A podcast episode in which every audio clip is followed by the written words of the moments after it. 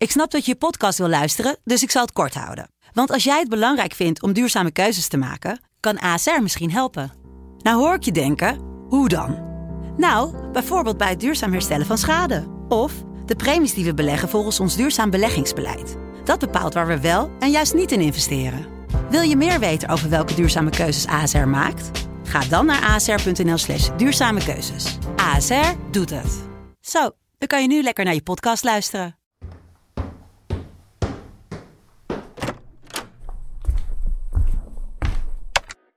Initiating system 1. System 1 loaded.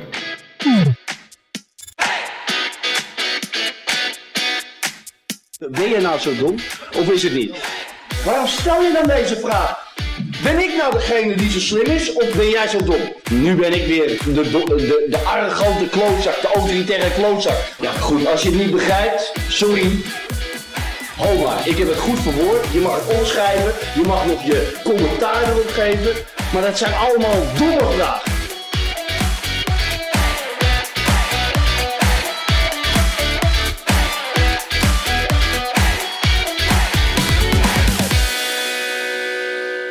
Hey, hallo en leuk dat je luistert naar alweer een nieuwe aflevering van de Voetbalpodcast. Mijn naam is Jimmy Driessen en ik zit hier natuurlijk weer met mijn grote vriend Sam Planting. Als je hem. Hey, hey ik wil als eerst even stilstaan toch bij eh, toch een belangrijke voetballer die is overleden. Heb ik eigenlijk veel goede herinneringen aan. Eh, op een WK eigenlijk waar we er niet bij waren. Nou goed, dat is de laatste tijd wel vaker het geval. Maar het gaat over het WK 2002. Papa Bouba Diop. De, de maker van het eerste doelpunt van Senegal ja, tegen Frankrijk. Wat voor Frankrijk als titelverdediger uh, was het desastreus. Dat toernooi. Maar uh, ja, wat zijn jouw herinneringen aan de, de voetballer Papa Bouba? Nou ja, die, die werd de, gewoon de Senegal-Frankrijk. Dus allereerst natuurlijk de, dat wel redelijk. Uh, daar, zat, daar speelde meer mee dan alleen voetbal bij, bij, bij, die overwinning. En natuurlijk, ja, dat, dat op eindtoernooien altijd de Afrikaanse teams altijd een beetje weggezet werden als noviteiten. En dat alleen eigenlijk voor de leuke en voor de voor de flavor, maar niet. Ja, bij 1990 was het al vooral met Cameroen toen, hè? Ja, dat is wel waar. Maar dat, dat, dit was natuurlijk wel echt een van de ultieme uh, David versus Goliath momenten. En een Papi Bouba Diop natuurlijk was echt, echt een ster in dat team. Ja. Dat, uh, weet je, uh, heb jij nog iets gelezen over de doodsoorzaak? Het, het, schijnt dat hij wel al lang ziek was, maar ik, ik heb ook niet heel goed daarna gezocht verder. Want ja, ik bedoel, het is al triest dat hij is overleden en ik hoef misschien ook waarom en zo allemaal niet te weten. Wat ik wel een keer wil doen, is een keer langs dat Senegalese team een keer gaan en even kijken van wat is er nou van al die spelers geworden? Want ik zag op die beelden natuurlijk de, de, de meest opvallende verschijning als Diouf natuurlijk. Ja. Nou ja, dat is iemand die er zeker niet alles het talent heeft gehaald, maar die natuurlijk wel een fascinerende carrière heeft gehad in dat, Engeland. Dat maakt het verhaal wel mooier natuurlijk. Maar ik ben benieuwd hoe al die jongens, want ik, ik was natuurlijk als kind niet echt denk ik heel erg op de hoogte van het wel en wee van de League 1. Zo, zo, zoals we dat zeg maar nu zijn in het internettijdperk. Nou ja, tegenwoordig kan je het nog steeds niet in Nederland echt zien, Liga. Nee. Moet je goed ja, zoeken. Interessant. En natuurlijk, ja, nee, twee voetbalagendas ja. zijn, er, uh, zijn, er de, zijn er deze week natuurlijk ons ontvallen. Maradona. Ja, dat, uh, nou ja, dan zie je wel wat, wat echte liefde met de mens doet. Hè? Van dat, dat, dat, dat, dat je toch wel ziet dat dit iemand is waar heel erg veel van gehouden is door heel veel mensen. Ja. Ja, en dan, dan telt maar weer eens dat die uitspraak van voetbal is de lange, belangrijkste bijzaak van het leven. Nou, dit is meer dan een bijzaak, lijkt het wel. Ja, als je dit zo ziet, dit is toch, ja, dit is, als je, als je ziet hoe erg mensen geraakt zijn of hoeveel Maradona voor ze heeft betekend in hun jeugd, dat is natuurlijk wel heel indrukwekkend. Omdat het toen nog natuurlijk moeilijker was dan nu om, om dingen die niet buiten de eigen landsgrenzen echt, echt in, in context mee te krijgen. Ja, je had toen nog niet uh, YouTube highlights, uh, HD uh, 240p.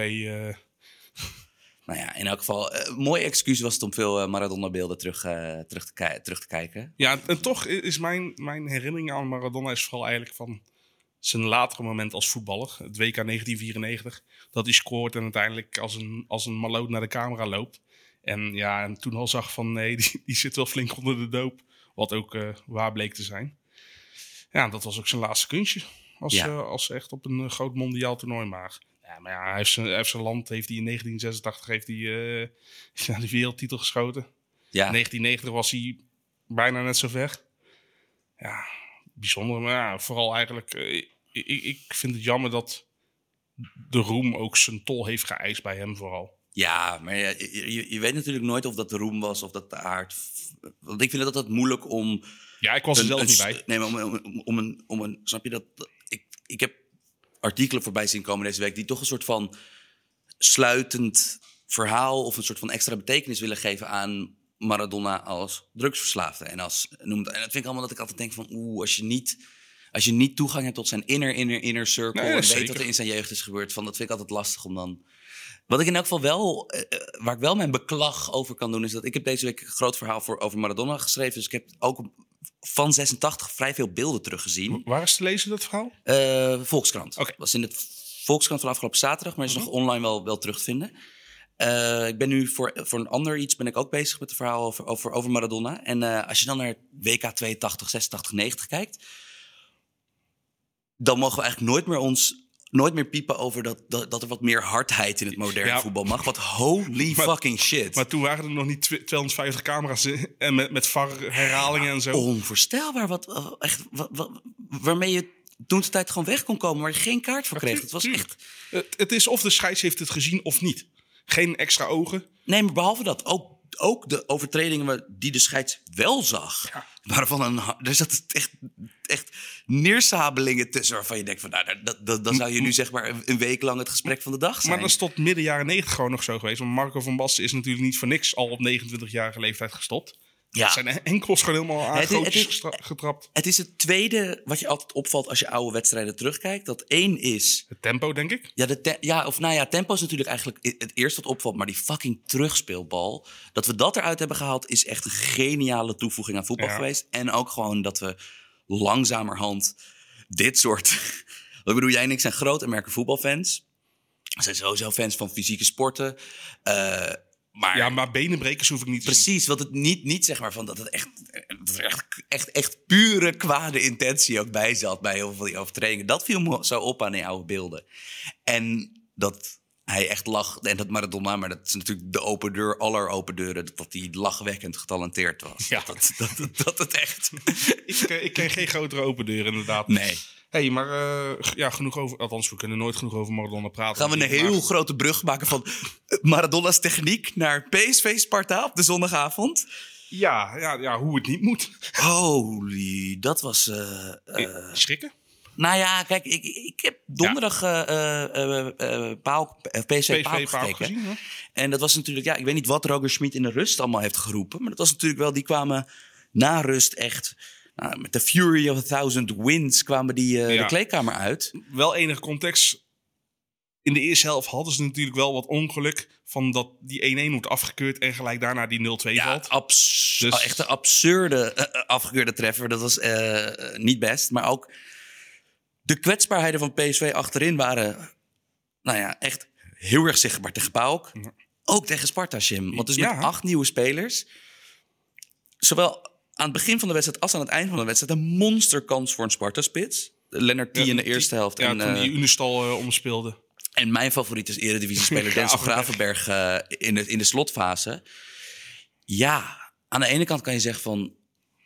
Natuurlijk is, is de wegverklaarder hier dat je acht, dat je acht basisspelers uithaalt. Ja. En dat je met een best wel een fantasieopstelling speelt. Met, Snap je dat, dat hij er acht tegelijk wisselt? nou ja, ik vraag me altijd af van... Kijk, als zij, da, als zij harde data binnen die club hanteren... Dat doen ze denk ik Ja, wel. als er gewoon op hun, welk programma ze ook gebruiken, als daar gewoon heel duidelijk oranje of rode waardes bij heel veel jongens komen, nou ja, dan moet je natuurlijk inderdaad, nou, het liefst op eigen terrein. Zelfs zonder fans is natuurlijk op eigen terrein is je kans op winst groter. En dan het liefst tegen een wat zwakkere tegenstander. Nou ja, in de Eredivisie heb je daar plenty van. Ja, en Sparta, met alle respect voor Sparta, is in principe zo'n tegenstander voor PSV. Maar je zag dus ook, want Sparta is dus ook een beetje. Wij hadden al gezegd toen ze een paar keer. Misschien gingen een paar keer hard onderuit in het begin van de Ja. competitie. Maar wij, ja, en ik vond dat spel van, van, van. Eigenlijk zoals altijd onder Fraser. Best prima. Ja, Ja, en ze had natuurlijk die overwinning op Den Haag hadden ze in de zak zitten nog. en. nou ja, overwinning, ik denk van, van alle rechterrijtjesploegen in de Eredivisie. Van, ik bedoel, die hele sloot die wij best wel vaak. Nou, toch wel aanstippen als echt.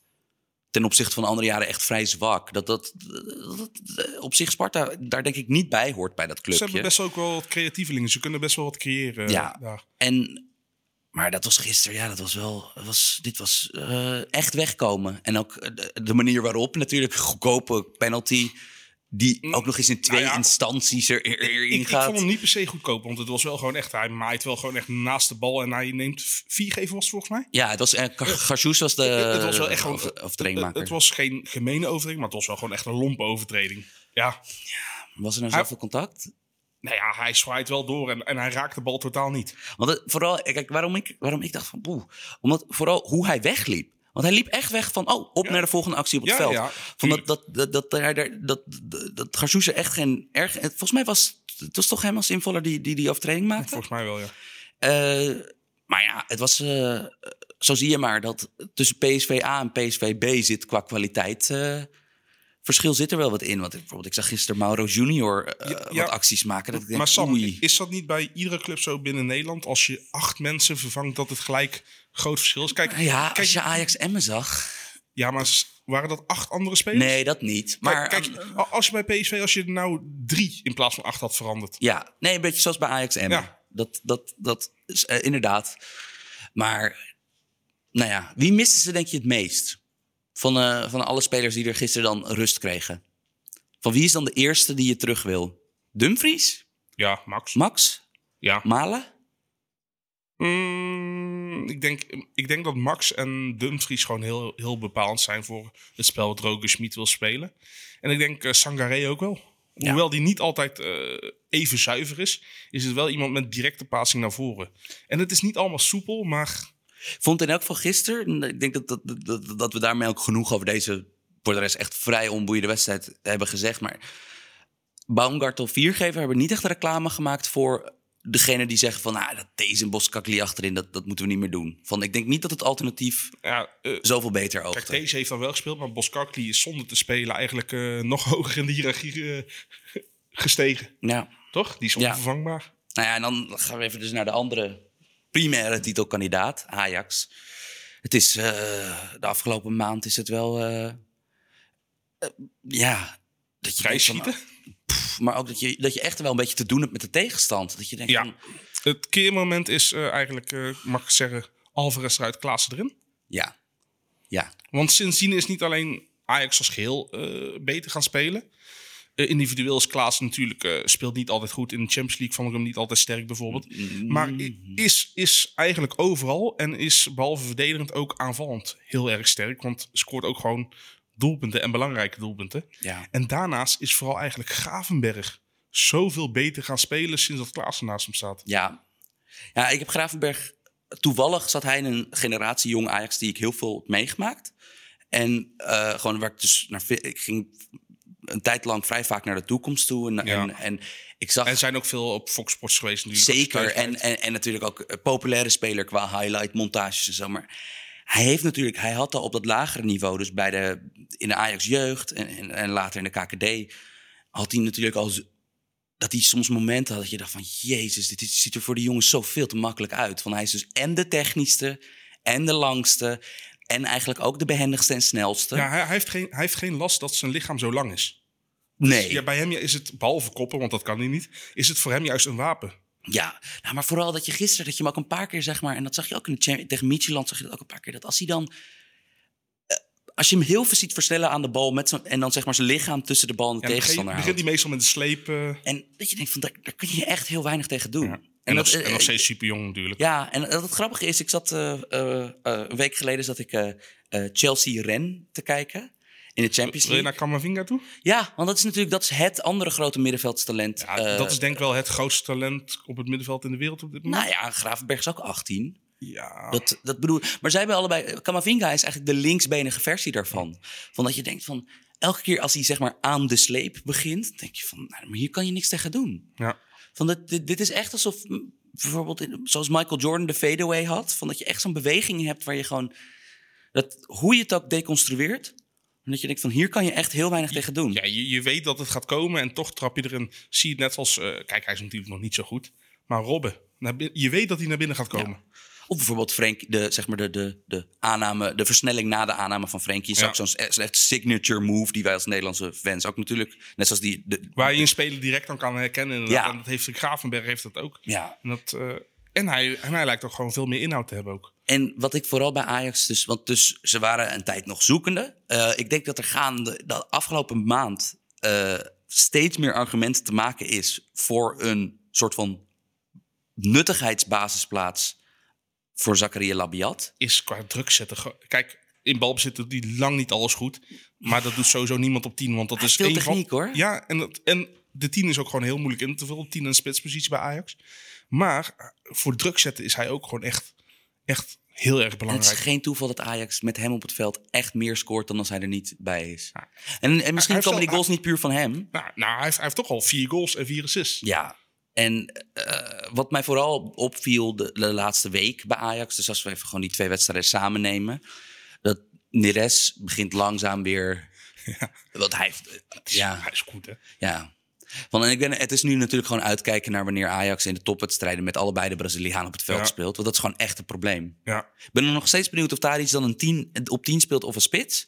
Want ik heb Ik denk, ik denk dat Traoré inmiddels wel wat meer krediet heeft ook. Ik, denk, ik, ik, zie het, ik zie het nog best gebeuren dat Tadic dan op 10 komt in plaats van Labiat.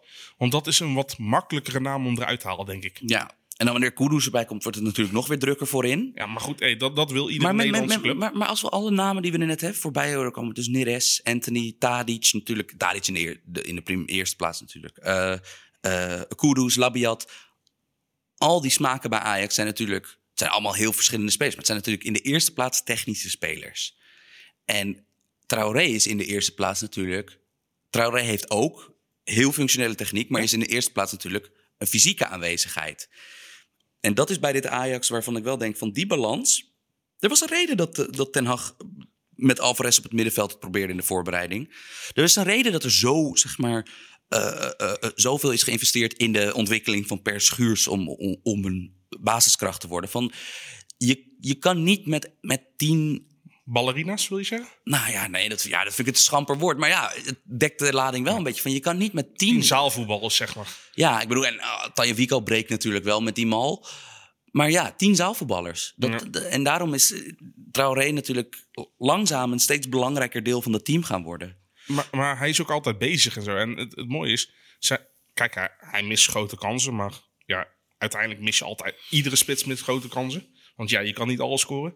Maar zijn re- rendement is gewoon nog steeds goed. Hij scoort veel, geeft veel assist, maar zorgt ook gewoon voor ontzettend veel strafschoppen mee. Maar bijvoorbeeld, kijk, nu wordt het rendement het aangedragen. Terwijl dat is natuurlijk wel compleet vertekend door een Nee, absurde middag in door- Venlo... door- waar door- die vijf goals en drie assists... Jawel, Maar hij is alsnog. Wat jij ook, wat, het eerste wat jij zegt, ben ik het eigenlijk veel meer eens. Is dat je van. Waar hij is, is zeg maar shit gaande. precies. Van het, is, eh, het is heel vaak eindigt het met hem en, en zijn directe tegenstander op de grond. Altijd Harris waar Traoré is. Altijd Harris. En dat, dat had de voorstopper. Het, het bizarre wat tegen Michelat was dat die voorstopper Sviatchenko. dat hij echt de, alle moeite van de wereld had om eh, hem in toom te houden. Terwijl dat zelf ook geen eh, botje is. Nee, en dat hij dan letterlijk dus elders rood. Dat hij op een andere manier rood. Dat vond ik zo goed. Ja, dat maar dat, dat soort rode kaarten vind ik ook zoiets van, ja... De enige die nou van de rode kaart profiteert is de volgende tegenstander. Ja, maar ook daarover van, oh, dit is winst voor Liverpool. Van, kom op, eh, Liverpool heeft geen hulp nodig om van Mietje Nee, te nee, winnen. tuurlijk niet, tuurlijk niet. Dat, zeker eh, niet. eh, laten we eerlijk zijn, want Ajax speelde, ik denk... Maar goed, eh, hij is geschorst voor, tegen Ja. Atalanta natuurlijk. Niet ja. tegen Mietje- niet oh tegen ja, oh, tegen Atalanta. Maar ik denk dat, Atalanta, dat Bergamo hem ook wint eh, zonder, met Sviatchenko centraal Voor, voor. Atalanta hoop ik van wel, ja. En als we heel eerlijk zijn, dat we nu een beetje kunnen uitzoomen... dat Ajax is één keer echt tegen een muur aangelopen, een tactische muur. Groningen. Groningen. Mm, zonder Klaassen nog op het middenveld. Exact. En dat er nog allerlei experimenten gaande waren die uiteindelijk het niet bleken. Dus Alvarez op het middenveld. Weet je, de, de wilde Eh, twee wedstrijd onder Bos is nu al geweest. Ja, en Promes op 10. Ja. Eh, maar Ajax moeizaamste wedstrijd in de, in de, in de samenstelling... eh, s- i- i- met- toen het al goed liep, was natuurlijk wel corona, was daar ook, speelde daar mee. Maar Micheland uit was echt geen goede wedstrijd. Als je dan het optreden van... Tweede, eerste helft was goed.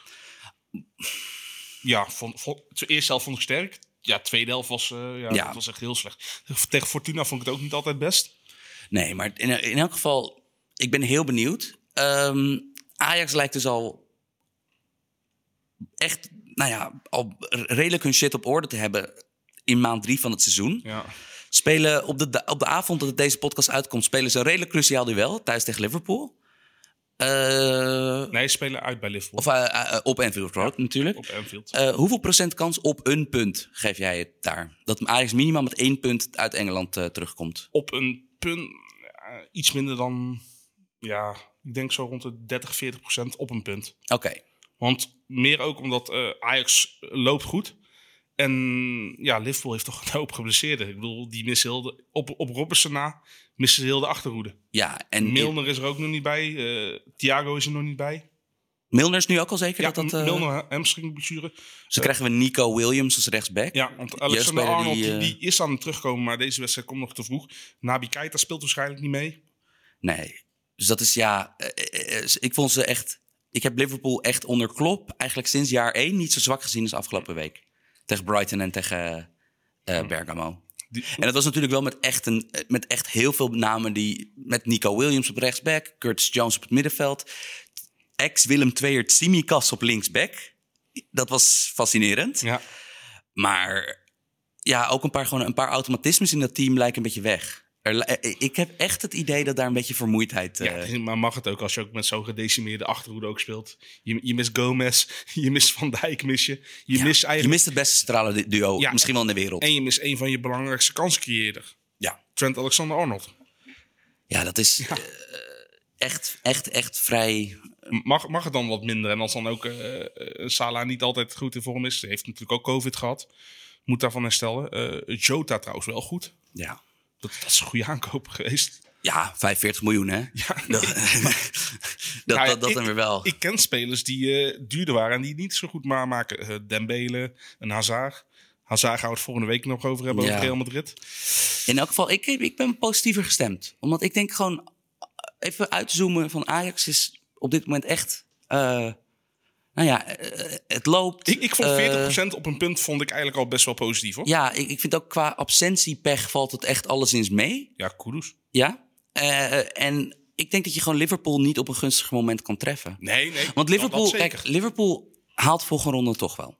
Omdat die hebben hun laatste wedstrijd tegen Midtjylland. Ja, deze wedstrijd is voor Ajax ook nog niet zo heel belangrijk. Als je het Nou ja. tegen... Nou, Als je, als je hier een punt, kijk, als je hier een punt pakt, dat is natuurlijk dat. nou, dan heb je daarna aan een punt nog steeds niet genoeg tegen Atlanta. Oh, Als Atalanta van Midtjylland wint. Puur omdat Atalanta van Liverpool heeft gewonnen natuurlijk. Dus in principe, kijk, als je wint is het leuk. Maar gelijkspel heeft Ajax niks aan. Het, is, het is leuk voor de, voor de premie die je krijgt. En voor co- de coëfficiënte Polonaise. Maar qua, qua Die plaatsen... gestaag voortduurt trouwens, hè? Gaat goed. Je moet sowieso gewoon... eh, wil je de, volgende, de tweede ronde Champions League eh, halen, althans de, de knock-out fase... moet je van Atalanta winnen, Ja. thuis. In elk geval lijkt Ajax mij echt helemaal klaar voor de, eh, de, de zometeen de dominante eredivisiemaanden, hè, Ja. die in januari begint. Mi- Mits het niet gek gaat worden met COVID-zaken natuurlijk. Een ploeg die daar het meest van de vijf topploegen die we dit jaar hebben in de Eredivisie het meest ver verwijderd van lijkt is Feyenoord. Ja, veel blessures, schorsingen. Miste gisteren tegen Utrecht eh, zes van hun beoogde basisspelers. Ja. Bij, keeper Bijlo, Nieuwkoop, Haps en het hele middenveld. M- Marsman keept het trouwens wel echt goed, hoor. Marsman keepte erg goed. Eh, Utrecht was ronduit de betere partij. Ja, Speelde op de counter voor het eerst. Eerst eigenlijk dit seizoen dat ze echt vol op de counter gokten. Eh, Kerk en Mahi kwamen daar in mijn ogen echt tot bloei. maar dat moeten ze toch ook gewoon, zelfs in thuiswedstrijden, moeten ze dat gewoon toch af en toe doen. Ja, vreemd. Want het is dus met een elftal vol spelmakers. ja, ja, met spelmakers en heel veel snelheid voorin. Ja, maar ze moeten dit, dit- in elk geval ik, de omzetting van Utrecht naar, naar de. Ze zijn weer teruggegaan naar 4-2 eruit gisteren. Ja, Eh, het is gewoon een zegen dat Van der Bron weg is bij Utrecht. miste hun beste speler, Maher, of in elk geval hun, eh, hun beste speler aan de bal. Ja. Eh, ja, ik denk dat Utrecht in elk geval dat, dat die in elk geval nu een route hebben naar dat het weer gewoon een lastige tegenstander wordt. Hm. Feyenoord had natuurlijk erg veel absenties. Ja. Maar, dat is, maar dat is nog geen reden voor Jurgens om zo wanstaltig te voetballen, toch? Nee, dan boos te worden nadat hij, als hij vijf minuten voor tijd wordt gewisseld. Mop, hé. Ja, advocaat had eigenlijk boos moeten worden en hem gelijk de rust moeten wisselen. En de unsung hero, behalve met zijn goal, Lutjerel Geertruida, no Luts, no glory. Ja, maar kom, sinds dat hij niet meer onder het bewind van Jordi Jamali hoeft te spelen, is die jongen helemaal bevrijd. Hey, hij had gisteren een tactische sleutelrol. Want eh, eh, eh, van- advocaat had hem na rust, haalde hij hem van rechtsback naar het middenveld. Ja. En toen had opeens had Utrecht niet meer opeens zo'n dominantie in de as. Dus het was weer Luts die... Ja, een goede tactische ingreep van advocaat mag ook gezegd worden, toch? Zeker. Ja. Ehm, zat niet, er zat niet meer in. Dat dit was... eh, Nee, nee, maar ik, ik vind nou wel, als je als, je, als Feyenoord... he- heb je van de top 3, top 4... vind ik al de minst brede selectie. Ja, En als er dan, ook, Ruim. ja, en als er dan ook nog zoveel mensen wegvallen... ja, dan, dan kan dit toch gewoon. en ondertussen na tien speelronden zitten we op één doelpunt voor zomeraanwinst Brian Linsen. Ja, Dat begint ook wel een beetje een probleem te worden. ja. ja en ik, ik noemde toen nog wel een begrijpelijke aankoop... omdat uh, Sinistera geblesseerd was en... eh Larsson natuurlijk weg was, maar eh, ja, die, die woorden moet ik wel redelijk inslikken nu. Ja. Dus bij deze doe ik dat ook. Nee, het is, het is, eh, En, de ge- en, en je verdient er ook niks meer op. wat je gisteren ook zag, is dat die Johnston met een reden nooit speelde sinds zijn komst. Ja, Dat, eh, ja maar dat, dat was. Ja, dat, was de echte kon- absolute... nee, hij kon niet anders. Nee, hij kon echt niet anders. Maar het was de wel- absolute Achilleshiel Het, het zegt al genoeg dat advocaat echt jeugdspelers opstelt. Want ja, leer iemand advocaat kennen. Je weet dat hij die gewoon geen kans geeft. Bozeniek was een jongen voor kuit. Vond ik in mijn oog tot nu toe het voetbalcitaat van het jaar. Dat hij gewoon op, openlijk over spelen zegt... nee, dat is voor mijn opvolger. Toch, ik, ga- ik ga dat in het werkende le- leven ook gewoon doen. Van, nee, dat is voor mijn Het opvolger. interview na, na afloop met Dick Advocaat vond ik ook zo mooi getergd weer. Hij was lekker boos, hij was weer mooi aan het opwinden. Maar hij had wel gezegd van Feyenoord is zijn laatste club. Ja. Dus eh, ik- ja, ik was, daarna, ik was bij de persconferentie daarna, na dat gesprek. En toen was hij ook nog... eh, hij was niet op zijn vrolijkst. Ja, hij zegt zo, hij is zo die met zo'n sleuteltje even opwindt en dan gaat hij echt zo helemaal boos worden. En dan Ja. is het daarna nu weer goed. Terug naar huis is hij toch wel weer rustig dik. Ja, daarentegen, waar Feyenoord dus echt 1-1 was maximaal resultaat. Ja, Eh, ook, ook na een Europese wedstrijd natuurlijk. Zeker, maar AZ was gisteren... Bij, stel je voor dat ze gisteren punten hadden verspeeld. Echt, speelde Heracles van de mat. Dan hadden we kunnen zeggen van, eh the is- same old song. Nee, maar dat, is, dat, is, dat er echt voodoo of zo gaande is met deze ploeg. Want dit, dit was gisteren... Dat, dat, dat, dat je, ah, ik zat het vanochtend een beetje terug te kijken. Dat Ja, je denkt van, dat, je Heracles überhaupt weer terug in de wedstrijd kan laten komen.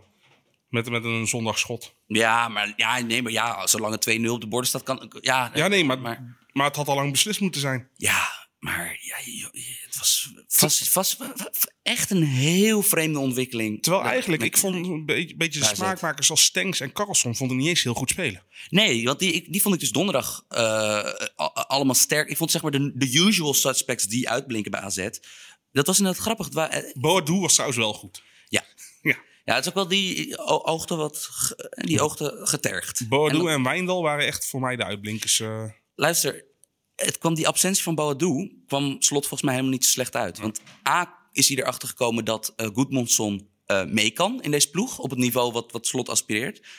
Eh, B heeft hij een stok om mee te slaan van hey Boadu, je moet ook mee verdedigen. Hey Boadu, je moet ook mee combineren. hij kan hem tergen. Exact. En ik denk nog steeds dat gewoon die rare, nou, laten we het zeggen, voodoo-reeks van AZ in het begin van het seizoen, dat dat de enige reden is dat ze niet om de titel mee gaan doen. Ja, dat ze hebben gewoon nu, echt verschrikkelijk Dat ze nu al in vijf wedstrijden puntverlies hebben geleden. Want ze hebben echt verschrikkelijk goede ploeg. Ja. En die Carlson, dat is echt, dat is echt een, dat is, Dat is gewoon zo, dat is top aanwinst. Goede opvolger voor Idrissi, toch? Want ik denk niet dat ze het altijd maar nog over Idrissi hebben. Is hij misschien niet, ja, ik- hij is minstens hetzelfde niveau. Van, dat, is, dat is echt knap hoor. Dat Ja, is, ja, kijk, we moeten natuurlijk eh, niet te snel oordelen. Want hij speelt pas een paar wedstrijden natuurlijk. Hmm. Maar de eerste tekenen zijn heel erg veelbelovend. Ja, en eh, dan eh, eh, het compliment eigenlijk wat we wekelijks maken. we eindigen het, het blokje topclubs met Vitesse. Hoort er gewoon bij. Ja, deze kwam met het tandvlees. Werd deze over de, over de streep getrokken? Het was gewoon matig. Ja, Wat ook zeggen, Fortuna stond ook gewoon goed. zeker. Dat is de grap. Fortuna heeft volgens mij ja, drie punten gepakt dit seizoen. Ja, het zal niet veel meer zijn. En ik heb ze Hofland dit is niet voor niks uit. Ja, en ik heb ze dit seizoen gezien tegen. eh, ik heb ze volgens mij vier keer zien spelen tegen AZ, Ajax, PSV en, en dus nu eh, eh, Vitesse. Ja, dan kan je wel eens minder punten pakken. En elke keer vond, had ik zoiets van, nou ja, het, aan het plan was niet zoveel op aan te merken. Ik vind ook de spelers, voor het budget wat ze hebben, vind ik de spelers daar eigenlijk niet zo, ehm, niet zo kut. Vind ik eigenlijk gewoon best prima. Dus het, ik, ik heb zoiets van, ik denk dat dat van die ploegen die echt helemaal in de kelder nu staan, dat dat de ploeg is die dan nog het meest, zeg maar, waar je je geld op, op reanimatie nog een beetje ja, kan dat die inzetten. nog eh, degradatie kunnen afwenden. Ja, sowieso. Maar toch, ze moeten dan wel... Ze hebben een zwaar programma gehad natuurlijk.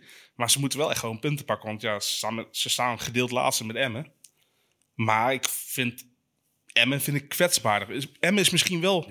Qua, qua echte voetballers is het een, een, een betere ploeg dan Fortuna. Maar Fortuna staat beter.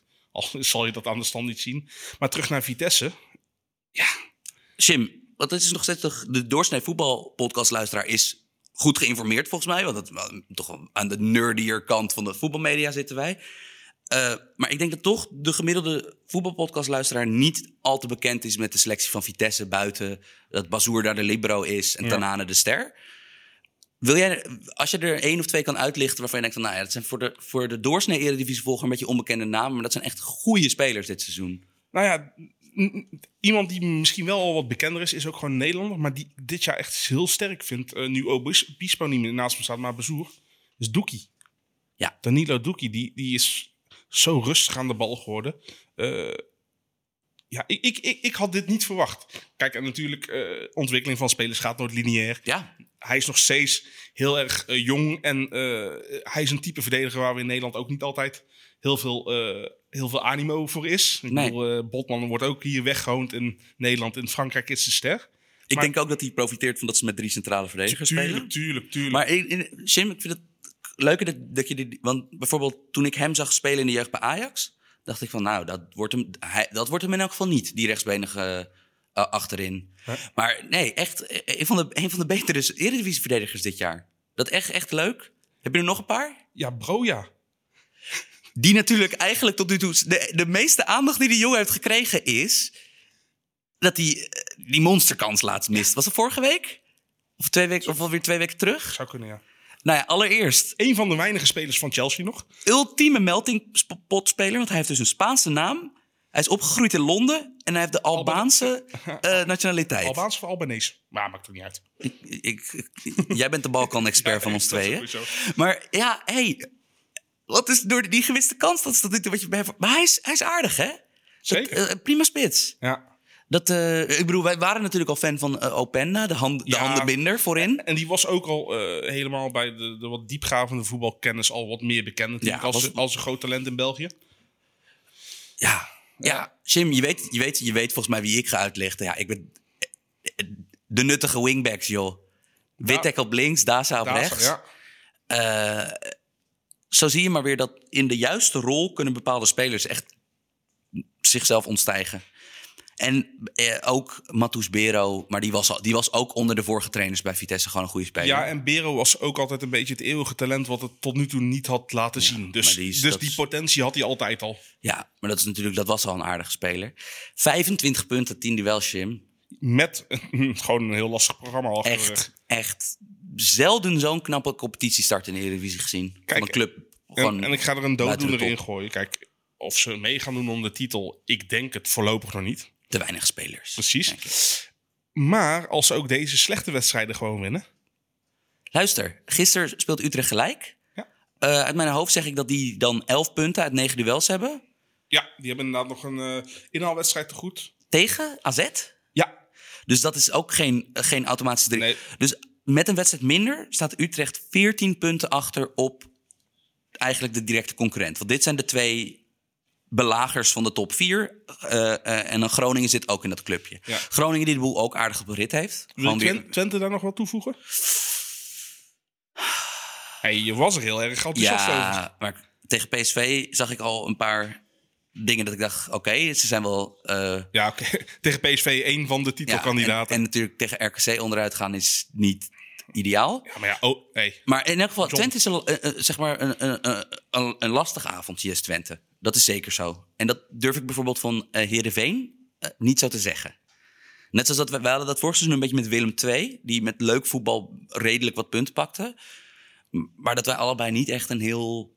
eh, terwijl ze, bleken, ze gaven ons ongelijk toen een beetje, want ze wonnen in Arena. Hm. Maar ik heb bij Heerenveen nooit echt die vibe die ik wel bij Groningen Nee, heb. ah, ah, heb je inderdaad van het begin al gezegd. Eh, ik kijk trouwens nog wel even naar het programma van Vitesse. Die hebben volgens mij net voor de winterstop... hebben ze nog wel echt twee, eh, twee topwedstrijden. Want zij zijn natuurlijk van tevoren niet als topploeg aangemerkt. Dus zij ontvangen wel PSV, Ajax, Feyenoord en AZ voor de winterstop. Maar die krijgen dan op de 20ste krijgen ze Feyenoord op- thuis op bezoek. Mhm. En de 23ste mogen ze naar Alkmaar toe AZ. Heel benieuwd.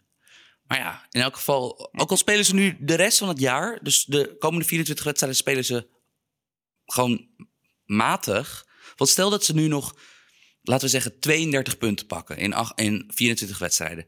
Dan eindig je alsnog met een echt absurd hoog punt. Totaal voor Vitesse begrippen. Ja, en toch zal, zal iedere Vitesse-naar nog steeds dan teleurgesteld zijn. Ja, wel een beetje. Maar ook wel omdat het spel ge- geeft natuurlijk. Het zijn nog ineens dat er, dat, dat er. Want wij hebben het al meteen over unsung heroes bij Vitesse. Maar het is gewoon meer het op basis van het spel. Niet zozeer dit, dit weekend. Maar dan denk je wel van ja, dit is een prima ploeg. En ze hebben trouwens pas is gewoon voor eredivisiebegrip gewoon een prima keeper. Ja, en die uittrap, man. Ik ben daar zo verliefd op. Echt waar, die, echt die raketpijlen, man. Dat is zo'n wapen. Dat, eh, ja, in elk geval, Jim. We zijn nu tien eh, speelronden onderweg. Eh, ik vind dat aanleiding voor, een, eh, voor wat fun. Oh. Nou ja, ik ben, Voor vaak, wat F-U-N. ik ben vaak wel voor de fun. Jij bent, de, Eh, jij bent de burgemeester van Funtown. Ehm dat klinkt als een of andere raak speelkinderparadijs. veel pornografischer dan ik het bedoelde. Dit toegegeven. geknipt worden. Nee. Ehm, ik, heb een, ik heb een paar eh, statistieke quizvraagjes voor je. Het concept is simpel. Ik heb vijf vragen. Eh, ze zijn niet al te makkelijk. Oh, het concept is simpel, ze zijn alleen niet al te makkelijk. Ja, het concept is simpel. Vijf vragen, niet al te makkelijk. Niet onmogelijk. Zullen ook niet echt, er zitten e- niet echt de instinkers bij. En ehm, je mag gaandeweg, geef ik je tips als het moeilijk is. Ehm, tien speelrondes, dat, is- dat, is een mooi, eh, dat is een mooi even getal om, eh, om een beetje voor het eerst in de eredivisiecijfers te duiken. Net niet op het een derde van het seizoen. Ja. Eh, dit seizoen zijn er twee spelers in de eredivisie... die eh, zowel in de top 5 staan van meest gecreëerde kansen voor ploeggenoten... en in de top 5 van meeste geslaagde dribbles staan. Oftewel, er zijn twee jongens in de eredivisie... die zowel als creatieveling als als eh, ja, showspeler eh, tot de uitblinkers behoren. Ehm, ik geef je daarbij de tip... ze spelen niet bij de traditionele top 4. Enig idee. Ja, eentje direct eigenlijk al. Tanane. 100%. Ja. Dat is eh diepje binnen. Tanane is eh, momenteel dribbelkoning in de Eredivisie. ja, dat zegt de oogtest ook inderdaad. Hij heeft, Kerk, eh, hij heeft Girano Kerk dit, eh, gisteren ingehaald, dus op zondag ingehaald. Oh, maar Kerk is denk ik wel een dribbelaar, maar geen kansencreëerder. Zeker niet. Dus En ik noemde hem al, dus dat zal hem 100% niet zijn. nou ja, misschien was dat juist de, de, je afleidingsmanoeuvre. Eh, het moet een, een speler zijn van in ieder geval van het linker rijtje. Met veel kansen gecreëerd. Eh, bij Groningen zal die niet spelen. Want ja, daar is niet echt heel veel creativiteit. En het moet dus ook iemand zijn die verfijnd aan de bal is. Hè? Dus ook nog eens die een mannetje kan uitspelen en kan passeren. Maar Eh, Joey Veerman? Eén volledig punt voor Jim voor de eerste vraag. Allebei goed. Nice. Eh, vraag 2. We hebben al eh, drie van de dribbelkoningen voorbij horen komen. Mensen mogen thuis trouwens ook gewoon eh, integraal meedoen Zeker. met deze quiz. Want er zijn zes spelers na tien speelrondes in de Eredivisie... die minstens 20 dri- geslaagde dribbels, dribbelacties li- niet lieten noteren. De helft weten we dus al. Kerk, Tanane, Veerman. Kan jij voor mij de andere drie opnoemen? Qua geslaagde dribbels denk ik sowieso Tadic.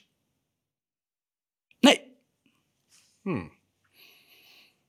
Eh, ik zit even te kijken, Jim. De hint is hetzelfde als de vorige keer. Wederom, even voor de zekerheid kijken. Of Tadic niet toch is. Nee, nee, nee, nee. Eh, alle drie spelen niet bij de top 4. Oké. Sterker nog, alle drie de spelers die we zoeken spelen, eh, staan in het rechte rijtje momenteel. En het ging over geslaagde, geslaagde dribbles of het aantal Nee, geslaagde dribbles. Dus, want er zijn inderdaad ook spelers die heel veel acties inzetten, waar veel mislukt. Eh, bij Sparta, Haroui. Exact.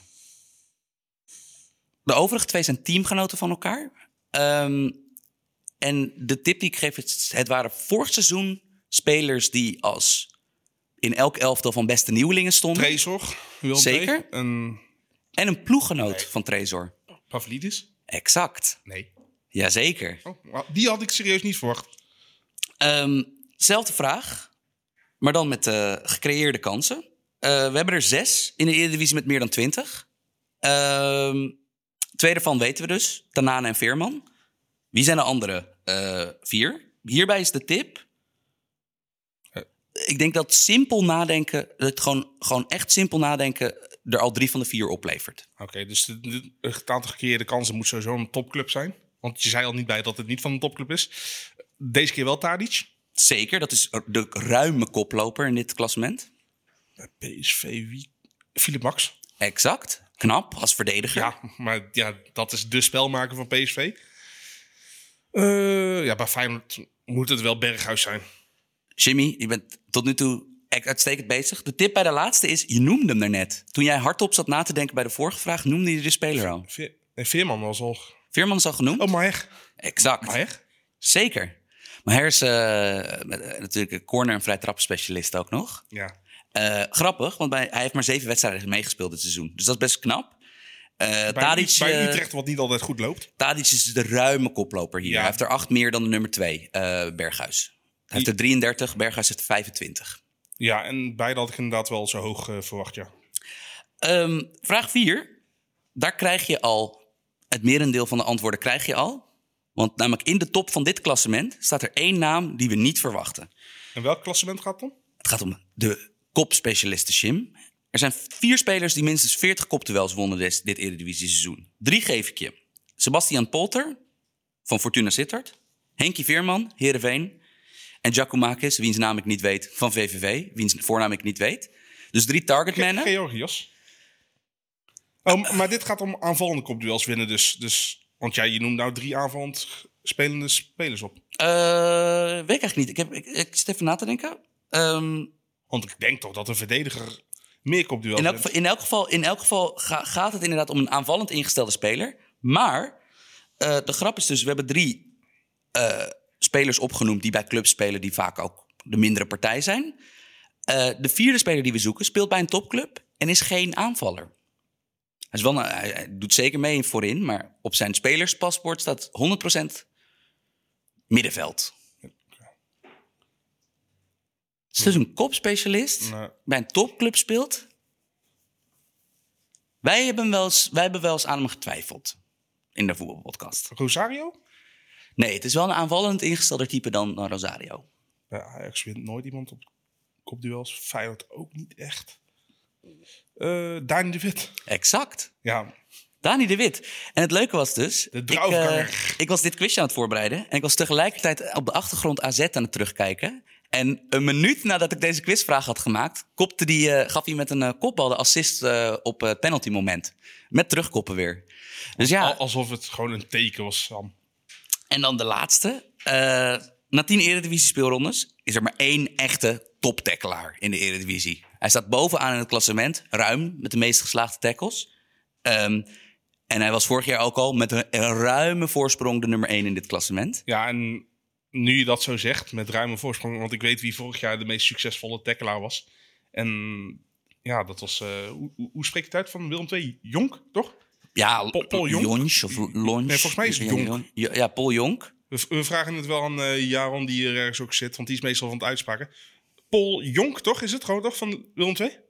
Hij knikt ja. Hij knikt ja, dus eh, ja. Eh, kleine shout-out. De nummer twee in het klassement is Abdou Haroui. Die ook nog bij de, bij de dribbelcontest stond. Dus dat is echt heel knap. Hij is gewoon een Zwitser zakmes. Dat is een echte allrounder. Shim, je bent echt met vlag en wimpel voor de... Jouw eredivisiekennis is eh on par. Gelukkig. We hadden dus... Wacht even, we hadden twee antwoorden bij vraag 1. Twee... eh, drie antwoorden bij vraag 2. Wordt, wordt dit nou nog een soort rebus of speur? Nee, ik zit even... naar- en, eh, dus eh, vier bij vraag... Dus we hadden... Komt hier een systeem uit? 2, 2, 4 of Nee, we zo? zochten uiteindelijk elf spelers bij dit quizje met vijf vragen. Ik vind het als je van dit elftal, als je er zeven wist, ben je echt Eredivisie-kenner. Ben je echt Eredivisie-kenner. Ik denk niet dat ik er zeven had geweten. Ja, ik vond die Dani de Wit... Ja, maar jij gaf me hints, dus daardoor kwam ik er wel. Op Dani de Wit was ik anders echt niet gekomen. Nee, grappig hè? Nee. En dat, eh, eh, ja, dat is inderdaad, dat, bij Ajax, dat, dat is heel grappig om te zien. Dat die dan inderdaad bij gecreëerde kansen en schoten en noem het allemaal maar op. Zie je alleen maar Ajax-namen natuurlijk overal staan, omdat ze zoveel kansen krijgen. Maar dat bijvoorbeeld bij kopduels, Nee, ja, eh, trek je een heel ander Eredivisie-deurtje open. Gravenberg die is, die is bijna twee meter, maar kan niet koppen. En Alvarez speelt nooit meer, dus ja. Shim, ja. ik denk dat we ondertussen dan nog even een stapje naar het, uitstapje naar het buitenland moeten maken. Ja, helaas wel, want we gaan het hebben over mijn favoriete dinosaurus. Ja, eh, volgens mij is er, is er niemand in de voetbalwereld waar onze meningen zo ver over uit elkaar liggen als José Mourinho. Ja, en op dit moment eh, ben ik niet te benijden. Ja, ik. Ja, het, je moet toegeven, wij begonnen deze podcast een x aantal jaar geleden. In een tijd dat Mourinho echt. Echt gehaat werd bij United. Ja, en dat, dat, ik zei. hebben zelfs nog een titel aan hem gewijd van eh, dat hij inderdaad eh, uit de prehistorie kwam of zo. eh. En ik, ik, ben, ik, ben, ik. Sorry, maar ik ben altijd team José geweest. Maar ben jij ook een succesvolle voetballer onder hem geweest? Want iedereen die, het, die goed heeft gepresteerd bij Mourinho loopt helemaal met hem weg. Ik denk dus gewoon waarom ik fan van hem ben, behalve dan Zijn gewoon. Instagram tegenwoordig. Holy shit. Ja, Ehm, ja, dat wordt natuurlijk wel do- voor hem Ik gedaan. moet nog altijd die Amazon-documentaire kijken. Want ik heb dus het idee dat daar ook echt comedy goud in moet zitten met Mourinho. Maar ik vind hem dus heel grappig. Want ik vind dus behalve het feit dat hij ooit gewoon binnenkwam en eh, met een. Maar- defen- als een defensief meesterbrein gewoon. De, We hebben het hier de- over een toptrainer en jij zegt ja, ik vind hem grappig. Ja, ik vind hem. Nee, wel kijk, nee. Dat is eigenlijk gewoon een disqualificatie. Je weet dat ik ben altijd fan van. Ik geloof er altijd heilig in. in dat voetbal bestaat uit twee. Het bestaat uit meer componenten, maar je, je, je valt aan en je verdedigt bij voetbal. En Voetbal voor dummies is het. 99,8% van onze aandacht gaat uit naar. Het Deel één. gedeelte. Nee, absoluut. En Mourinho is meester, heer en meester in deel 2. En met deel 2 win je meestal Niet, altijd, niet altijd geweest.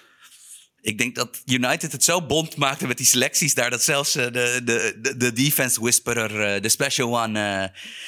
ik vind dat iemand die zo goed in zijn vak is... omdat vervolgens... eh, hij is gewoon een professionele bully. Maar wel eentje die zeg maar, waar je wel duidelijk merkt... dat het vrijwel allemaal nep is. Toch? Of, of, Ja. of ga je hier niet in mee, in deze theorie? Tuurlijk is dit ook gewoon heel veel toneelspel. Want volgens mij is het echt gewoon... Kan het... Anders kunnen niet zoveel spelers nog goed over hem praten als dit geen act was. Ja, want kijk, hij is natuurlijk... Hij, hij begrijpt als geen ander het voetbal en het Hij internettijdperk. is Hij, een meester van begrijpt, psychologie. hij, be- hij, begrijpt, hij Tuurlijk. begrijpt de economie van de aandacht. Tuurlijk. Dat, dat is echt... Dat, en eh, nou ja, je ziet dus ook dat dan de, de, de uitgeleiders zijn dan extra pijnlijk. Maar dat hij bijvoorbeeld nu, eh, Tottenham Hotspur, een eeuwige drempelclub... Want natuurlijk, nou ja, dat, dat, met dat, met dat Ajax-seizoen... dan waren ze natuurlijk wel bijna op de drempel van de Champions League stonden ze. Eh, maar altijd in de Premier League toch met een gouden generatie Engels talent. Altijd op de drempel gestaan van succes. En net niet. Dus in dat jaar dat Leicester kampioen werd, was dat al zo. In het jaar dat Chelsea met de Conte en Hazard kampioen werd, was dat al zo. Ze zijn daarna altijd een soort van Ja, toen in het jaar dat Leicester kampioen werd, zijn ze zelfs nog teruggezakt. Er is Arsenal nog overheen gegaan. En terwijl ik denk dat in, bij, in niet beide seizoenen waren zij, denk ik, gewoon over 38 wedstrijden de beste Premier League ploeg. Met toen nog een piepjonge kern. Mourinho is binnengekomen vorig jaar. Ging eigenlijk vrij moeizaam.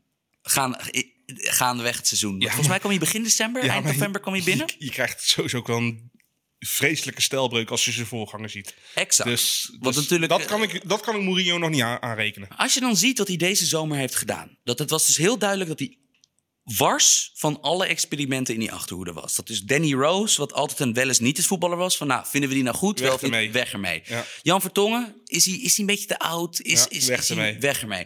Eh, Kyle Walker-Peters, wordt het ooit een nieuwe Kyle Walker? Weg ermee. Maar hoezo kun je dan Aurier nog houden? Nou ja, dat, dat is het grappige. Hij ziet dus in bepaalde spelers ziet hij dingen. En dus dat, dat bij Mourinho is dan altijd observatie 1 is dat dat opdrachtgerichte spelers zijn. Want je wist, je wist, ik weet nog, ik, werkte toen nog bij Voetbal International. En ik, en ik schreef ook, het eerste wat ik volgens mij die dag opschreef over de komst van Mourinho naar Tottenham is van, de winnaars van zijn komst zijn 100% Eric Dyer, Moussa Sissoko. Dus spelers die het niet van hun talent moeten hebben, maar die het van hun tactische intelligentie moeten hebben, van hun mentale weerbaarheid, van fysieke kracht, van gewoon het uitvoeren van opdrachten in het belang van het team. Je wist dat hij die jongens top ging vinden. Hij heeft er daarnaast gewoon een paar enorm in het gareel gekregen. Toch? Want bijvoorbeeld als je Aurier nu ziet onder hem. Ja, wat te denken van Ndombele. Die, Exact. die eigenlijk eerst helemaal afgeblaft heeft. En ik zijn hoeveel, zeg maar, ik bedoel, de Bruin is oorcategorie. Maar hoeveel andere tech, echte technici in de, in de Premier League zijn dit seizoen leuker om naar te kijken? Of zijn eigenlijk consistenter in hun niveau dan die Ndombele dit jaar? Weinig. Het was trouwens wel het nieuwe dieptepunt in het voetbalcommentaar... was dat Tim Sherwood, uitgerekend ex-trainer van Ja. Tottenham... die vond een Ndombele en Sissoko type. Nou, dan... Ja, hij heeft toevallig inderdaad dezelfde nationaliteit. Eh, en Dezelfde. Ja, ja. En voor de rest zijn het ongeveer, is het echt, het is echt alsof je Frenkie de Jong en eh, Martin de Roon één pot nat noemt. Ja, dat is echt, het is beide, exact hetzelfde. Beide blanke Nederlanders, heb je gelijk. Ja, maar dat het. eh, Als je dan kijkt naar die ploeg. Want ze hebben dus. Nou, de aankoop, de grote aankopen die ze hebben gedaan is een nieuw linksback. Dus eindelijk niet meer Ja. dat gekut met Sessignon en met eh, Rose. Eh, region hebben ze. Ze hebben Region gehaald. En ze hebben eh, Ajax Target Heubjerg. Hebben ze. ja, van Southampton overgekomen. ja, en Wat het is- eigenlijk het eeuwige talent bij Bayern was, is inmiddels eigenlijk een heel stevige defensieve middenvelder geworden. En dan eigenlijk, dat is al dat middenveld bij. Terwijl we gaan zo meteen. De hoofdrolspelers lopen voorin. Maar dat middenveld is dan eigenlijk al de crux wat Mourinho bij dat Tottenham heeft gedaan. Want dat gisteren, of eergisteren was die wedstrijd, hè, Chelsea-Tottenham, 0-0. Dat hij zoog het leven weer uit een topwedstrijd. En nou ja, je zag een week ervoor dat hij dan onterecht van City wint. Ze winnen nog bijna onterecht van Chelsea dit keer. Ze blijven aan de kop van de ranglijst staan. Dat is echt zo typisch Mourinho. Maar zijn A-middenveld is dus, want hij heeft, zeven, hij heeft eigenlijk zeven luxe keuzes daar. Maar zijn A-middenveld is dus Heubjerg, Sissoko en Ndombele. ja. En een Ndombele is eigenlijk de nummer 10 van de drie. Terwijl een Ndombele was bij Lyon en in het Franse nationaal elftal, als hij meespeelde, de meest verdedigende middenvelder. ja, maar dat, dat komt ook meer door de spelers die, die, die Lyon zelf ook had met Ja, maar, maar het is ook wel een stijlkeuze. Ja, Dat- nee, tuurlijk. Want Ndombele is een voetballer die op zich best wel te vergelijken is met Frenkie de Jong. Ja, nee, zeker. En dat bijvoorbeeld, ik denk dus echt dat Mourinho, als hij ooit Frenkie de Jonge spelers hebben, dat hij dan, dat, dat, dat, dat dan zijn aanvallendste middenvelder zou zijn. Hangen linksbuiten. Ja, terwijl dat is dus, dat is dus bij Oranje gewoon de, de zes. Ja. En dan, ja, voorin is hij heel duidelijk. Van het, is dus, het gaat allemaal via Kane. Eh Son heeft een rol speciaal. Dat is Ja. de enige speler die niet echt hoeft mee te verdedigen.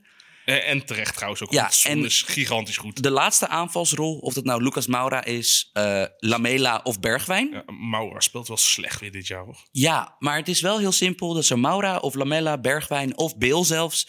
die moeten gewoon als een soort van extra verdediger Ja, die- voorin meedoen. Die, eh, die moet heel taakbewust zijn en al het creatieve wordt eruit gepest. En je ziet nu zelfs, hè, zelfs nu die een jaar die selectie heeft...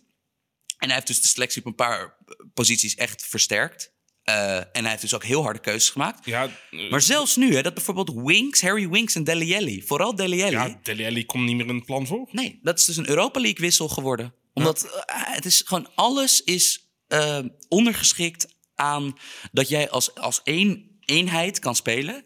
En dan maakt hij twee. Hij maakt dan in een elftal. En dat was bij Chelsea al zo, hè, met Drogba. En, en bij Inter was dat zo met Snyder. Van hij, hij heeft dan één of twee uitzonderingsrollen.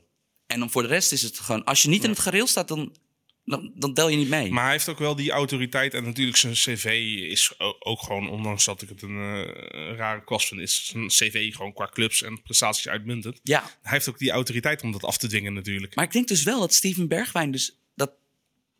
Steven Bergwijn was, was ook al in de Eredivisie eh, bij- PSV. eh, een sterspeler die daar... die altijd opvallend veel mee verdedigde... en nuttig, nuttig loopwerk verrichtte. Ja, tenzij die op 10 stond. Ja.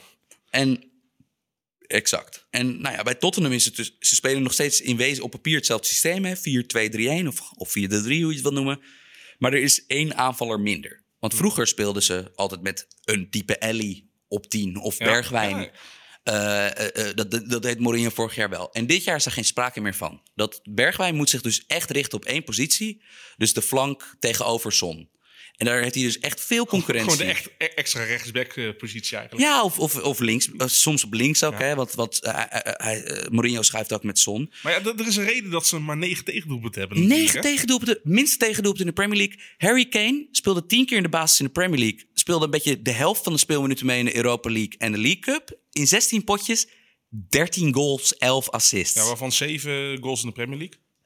Jungmin Son, 11 basisplaatsen dit seizoen, 12 doelpunten.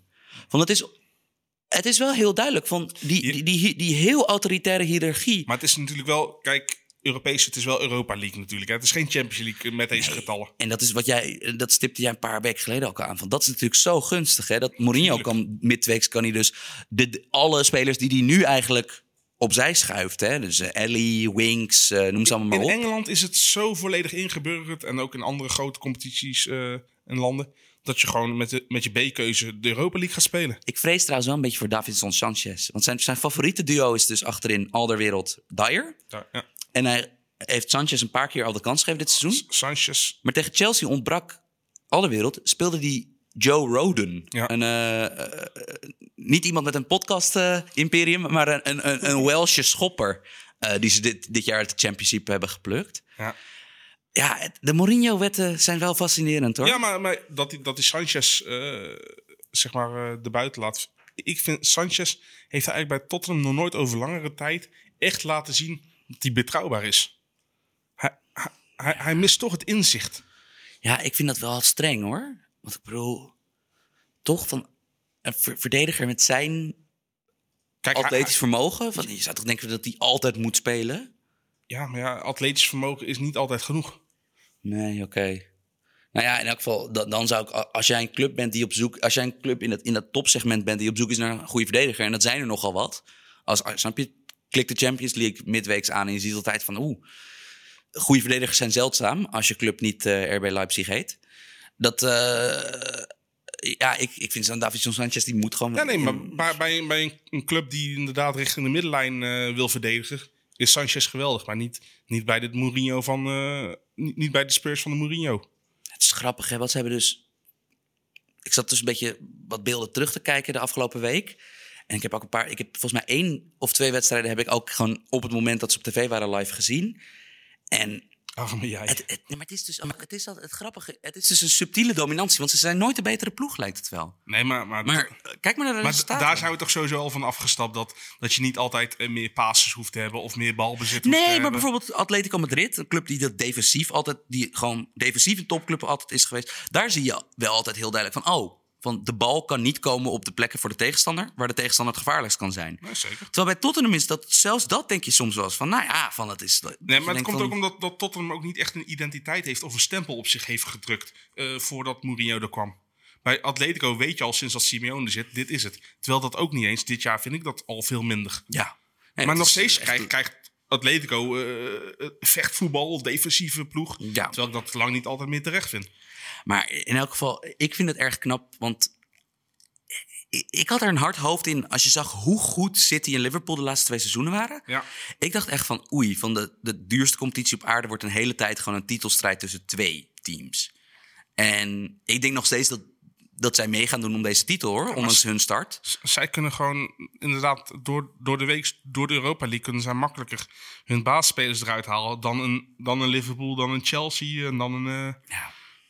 Ja, en dan City natuurlijk. City is wel ver teruggevallen trouwens. Chelsea, eh Jim, even, even heel kort. Ik, zoveel leuke voetballers, maar je, ja, we hadden het eigenlijk misschien een beetje moeten zien aankomen. Hè? Dat dat een beetje de wetmatigheid, dat er ook zoiets bestaat als te veel leuke voetballers in een team. Nou ja, we, we hebben aan het begin van de podcast hebben we het er nog over gehad van met zaalvoetbal is alleen win je niks. Ja. En dan ook ik bijvoorbeeld, als je dan nog een soort van eh Ancelotti-achtige trainer heeft... die een soort van de kunst verstaat van dat allemaal tevreden houden... en er, en er een soort van, nog een soort van logisch geheel van te maken. Maar ik vind ook heel vaak bij, als ik Chelsea kijk... dat ik, dat ik dan denk van, wat, wat, wat, wat is Lampards bedoeling met het geheel? Van wat, wat, wat, wat is nou het idee daarachter? Nou, goede voetballers opstellen en hopen dat het goed valt. Ja. Maar, maar, maar wie zie jij meer titelkandidaat? Kijk, Liverpool blijft een titelkandidaat natuurlijk. Mhm. Spurs of Chelsea? Spurs, ruim. Ruim. Terwijl als je alle spelers bij elkaar optelt... heeft Chelsea natuurlijk een veel betere selectie. Maar Spurs, echt 100%. Ook gewoon dankzij Mourinho? dankzij Mourinho, dankzij de rolverdeling in dat team. Van de sterren zijn echt presteren optimaal. Terwijl bijvoorbeeld, ik begrijp nog steeds niet helemaal wat nou de beste voorhoede van eh, Chelsea is. Moet Tammy Abraham spelen? Kan je Havertz en Ziyech op één veld zetten? Kan je Havertz, Ziyech en Mount op één veld zetten? Van, dat, is allemaal, van, dat, dat zijn allemaal nog vragen die, waar, En waar, we waar hebben ik dan het antwoord... Pulisic gehad. Nee, en dat zijn vragen waarop ik het antwoord... Is Werner wel... Is het wel handig om Werner voor een fortuin te kopen... om hem als linksbuiten op te stellen? Van dat is allemaal... eh, Dat, dat zijn allemaal vragen die je bij Tottenham totaal niet meer hebt. Daar is van dit seizoen vanaf week 1 was de hiërarchie compleet duidelijk. Nee, maar Tottenham is, is qua selectie altijd wat... Die zijn sowieso al wat minder uitbundig qua aankopen geweest. Die, die, Ja, en ook het en grappige was, ze leken dus enorm de boot in te gaan met hun, abs- met hun superdure aankoop hè, met Ndombele. En dat is dus door Mourinho, die dus echt, nou ja, echt, nou, wat ik al zei, Dat- dat de is- professionele bully. dat is ook 2020. Iets wat je niet meer had verwacht. Ik had verwacht dat Ndombele helemaal weg zou kwijt Weet je, nog dat die, weet je nog dat van die, van die berichten vorig jaar, 2019, dat dan Mourinho, eh, dat, de, dat de roddelpers Mourinho zag aankloppen bij Ndombele, dat hij met hem samen ging hardlopen. Hardlopen, ja, Of ja. nee, dan snap je dat een jongen die half miljoen per, per maand verdient, hè, van we gaan even hardlopen, jong. Aan de andere kant, ja, zijn carrière is nu weer helemaal gered. Ja, ik, ben, ik ben vooral benieuwd hoe Ndombele nu over Mourinho zou denken. Ja. Helemaal nu die zo goed speelt, inderdaad. En wat ik ook altijd... Het mooiste vind ik altijd dat Sissoko... Die anekdote dat hij, eh, dat hij huilen... eh, Dat hij na de, dat hij na de WK-winst van Frankrijk... Dat hij huilend in die kleedkamer zit. En dat hij denkt van... Of, of, ik weet niet of de WK-winst was of die zege op Ajax. Maar dat hij zei van... Ja, maar jongens, van, ik begrijp nou van... Ik ben helemaal niet zo'n goede voetballer. Van, ik had dit nooit voor ogen gezien. Dat ik, Hij, dat heeft- ik, hij heeft wel mensenkennis. dat ik, dat ik op dit niveau eh, eh, ooit snap je, een basisspeler zou zijn. Snap je, WK, WK-finale, Champions League-finale. En dat vind ik wel zo'n vertederende inkijk in die jonge ziel. Tuurlijk. Dat, eh, ja, dat vind ik top. Ja, maar, maar hoeveel procent van, van de voetballende mensen haalt zoiets al? Moet je nagaan van de hele wereldbevolking. Dan beter ook gewoon bevoorrecht. Als je niet ultra getalenteerd bent. Want kijk, laten we zeggen, kijk, Sissoko is gewoon wel een goede speler. Maar het is niet een, een buitencategorie speler, toch? En als je Nee, dit want allemaal kan... Stel dat hij bij RKC of zo was begonnen. Of dat, dat die in Nederland... Van, het zou toch heel goed kunnen dat zo'n jongen dan eeuwig... gewoon in een middenmoot blijft hangen. Ja, je moet ook gewoon op de juiste moment op de juiste plek eh, zijn. En door de juiste mensen opgemerkt worden. ik denk dat het wel dat er heel veel trainers wereldwijd in de top opgelucht ademhalen dat, Tottenham, dat dit Tottenham niet meedoet in de Champions League. Het lijkt me heel vervelend om in een knockout duel tegen te moeten spelen. Ja, aan de andere kant eh, had je dan misschien wel weer meer kans op overbelasting. Ja. Wil jou, kijk, nee, want dat zie je dus het, het verhaal Liverpool-verhaal. Wat bijvoorbeeld Liverpool met hun A- hun A- hun E-team, dus gewoon met, Van Dijk en. Ik bedoel niet de tv-serie. nou ook toch? Wie is de BA van het Liverpool? Ja, Van Dijk dan toch wel. Ja, ik denk het wel. Wie is, wie is de Hannibal? Firmino. Firmino lijkt me iemand die heel goed zo'n zo'n zo'n zo'n zo'n Zo'n sigaar in de, in de Zo'n mond kan Cohiba hebben. of Ja. Monte Cristo. Lekker. Ehm, ja, in elk geval fascinerend. Want wat, ik moet toegeven dat ik vorig jaar de Premier League... dat ik wel, dat ik wel soms dacht van... ja, jezus, wat heeft het voor zin allemaal? ja, maar dat komt omdat Liverpool natuurlijk zo gigantisch voor stond. Ja, maar en, en dat je dus hoogstens één ander team eh, hebt om op te hopen. Terwijl die andere vier topploegen... en langzamerhand kunnen we er ook nog Leicester en Wolves en zo ook nog bij tekenen... die kopen ondertussen wel de, de rest van Europa helemaal kaal. En eh, daarom ben ik dus wel blij dat er weer wat competitiviteit in die competitie zit. Ja, en eigenlijk bij Spurs eigenlijk zonder echt heel veel grote en dure aankopen. Ja. Maar dat doen ze eigenlijk al jaren. hey, weet je waar ik nog het meest naar uitkijk? De kampioenspeech van Mourinho gewoon. Oh, dat is toch, dat is fucking... Hoeveel geld kan je inzetten? Eddie Murphy, dat, Raw Dat, dat hij sowieso niveau. Manchester United helemaal tot de grond gaat afvikken. Al- je, je, je hypotheek, Ja, hè? toch? Je hypotheek. Dat, dat was, het is toch... Vooral, de fascinerendste is... He- Hebben, hebben ze al bij United uitgespeeld? Nee, hè? Hij had laatst, hij had laatst had hij in elk geval weer een United-gecentreerde comedy show. Het was, het was erg goed. Het nieuwe materiaal eh, stelt niet teleur. Maar, maar, Het, eh, maar, maar het mooiste is ook gewoon als hij een overwinning op Old Trafford behaalt... en à la Adebayor toen met City tegen Arsenal echt gewoon naar het vak gaat rennen... en gewoon uitgebreid gaat juichen. Ja, het is jammer dat Wenger niet meer werkzaam in de voetbalwereld is. En Wenger is daar veel te veel te Nee, maar het was, nee, maar het was zo duidelijk dat Mourinho zo getergd altijd was door Wenger's status als ultieme gentleman. En Ja. ook zijn, zijn, zijn, En, en, en kijken we wat Arsenal nou is geworden, man. Er ja, is er niks meer van over. nee. En op die noot, Je hebt een mooi bruggetje gemaakt, eh, Sam. ja, gaan we afsluiten, toch, Jochie? er is niks meer van over. Nee, meer hebben we niet te zeggen deze week, jongens. Nee. Dus, eh, Hey, leuk dat jullie weer hebben geluisterd naar een eh, aflevering van de Voetbalpodcast. Like, subscribe ons kanaal, druk op het duimpje omhoog, ook al zitten we niet op YouTube. FC afkicken. Oh ja, als je afkikken zitten we in de studio, nu aan de grote tafel. Grote mannen aan een grote tafel, zoals het hoort. hey, en de rest me niks meer anders dan een shout-out te geven. Shout-out Ola John. Shout-out televisie.